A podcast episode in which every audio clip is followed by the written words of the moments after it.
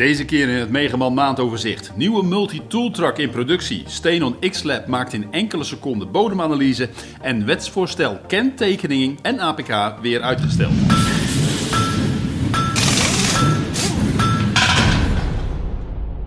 De elektrische multi-tooltruck werktuigendrager krijgt een opvolger.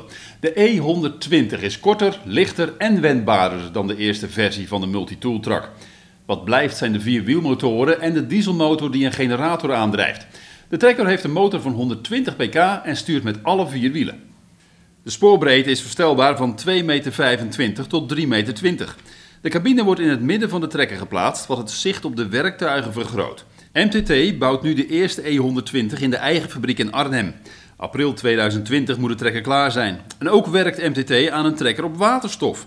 De motor van de E120 wordt dan vervangen door een brandstofcel en de dieseltank voor waterstoftanks.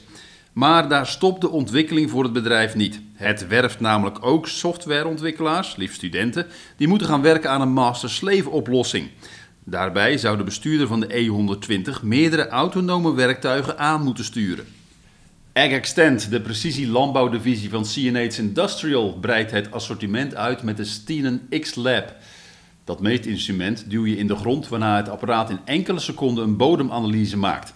De X-Lab, die qua vorm veel lijkt op een schep, is gemaakt van aluminium en roestvast staal. Aan het uiteinde zit een sensorkop die je met de voet in de grond duwt. Daarna verricht het instrument een meting. Zo meet hij op 0 tot 30 centimeter diepte verschillende gegevens, zoals bodemtemperatuur, vochtigheid, structuur en de zuurgraad. Maar ook natrium, magnesium, kalium en fosfor wordt gemeten. Zodra de meting verricht is, worden de resultaten aan de GPS-coördinaten gekoppeld. Via een netwerkverbinding stuurt XLab alle gegevens door naar de cloud, waarna je de resultaten op een telefoon, tablet of computer kunt inzien. Het plenair debat over het wetsvoorstel registratie, kentekening en APK landbouwvoertuigen is uitgesteld. Het stond voor december gepland, maar wordt overgeheveld naar week 3 van 2020. In april 2019 werd bekend dat nieuw verkochte landbouwvoertuigen per 20 mei 2020 een kentekenplaat zouden moeten hebben. De Eerste en Tweede Kamer moesten daar nog wel mee instemmen. Door het uitstel van het plenair debat worden ook de procedures behorend bij het wetsvoorstel doorgeschoven. Dat gaat onder meer over de manier waarop voertuigen een technische keuring kunnen krijgen bij de RDW. Zometeen beelden van de Pegasus Autark van Sauerburger.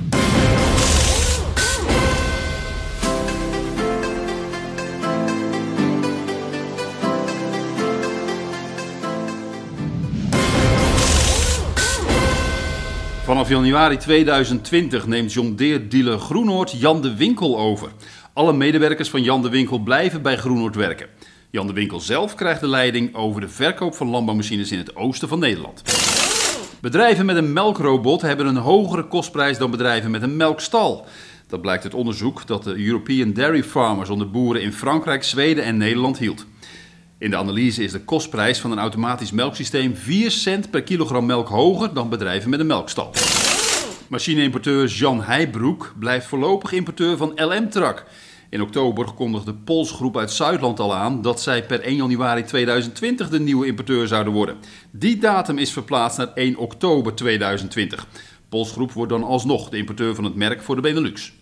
En dan nog dit. De Duitse fabrikant Sauerburger presenteert de Pegasus Autark. Een getrokken mulcher met opbouwmotor waarmee je direct na het hakselen de maaistoppels kunt verkleinen. De mulcher is in twee verschillende groottes leverbaar. De Pegasus Autark 8000 heeft een werkbreedte van 7,90 meter. De grotere Autark 9500 heeft een werkbreedte van 9,40 meter. Beide modellen hebben een eigen dieselmotor van 300 of 350 pk.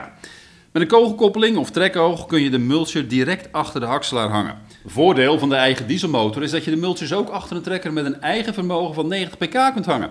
De opbouwmotoren voldoen aan de Stage 5 emissie-eisen. Tot zover de maand van Megaman. Meer nieuws leest u op megaman.nl en in de vakbladen Landbouwmechanisatie, Veehouderijtechniek en Tuin- Parktechniek.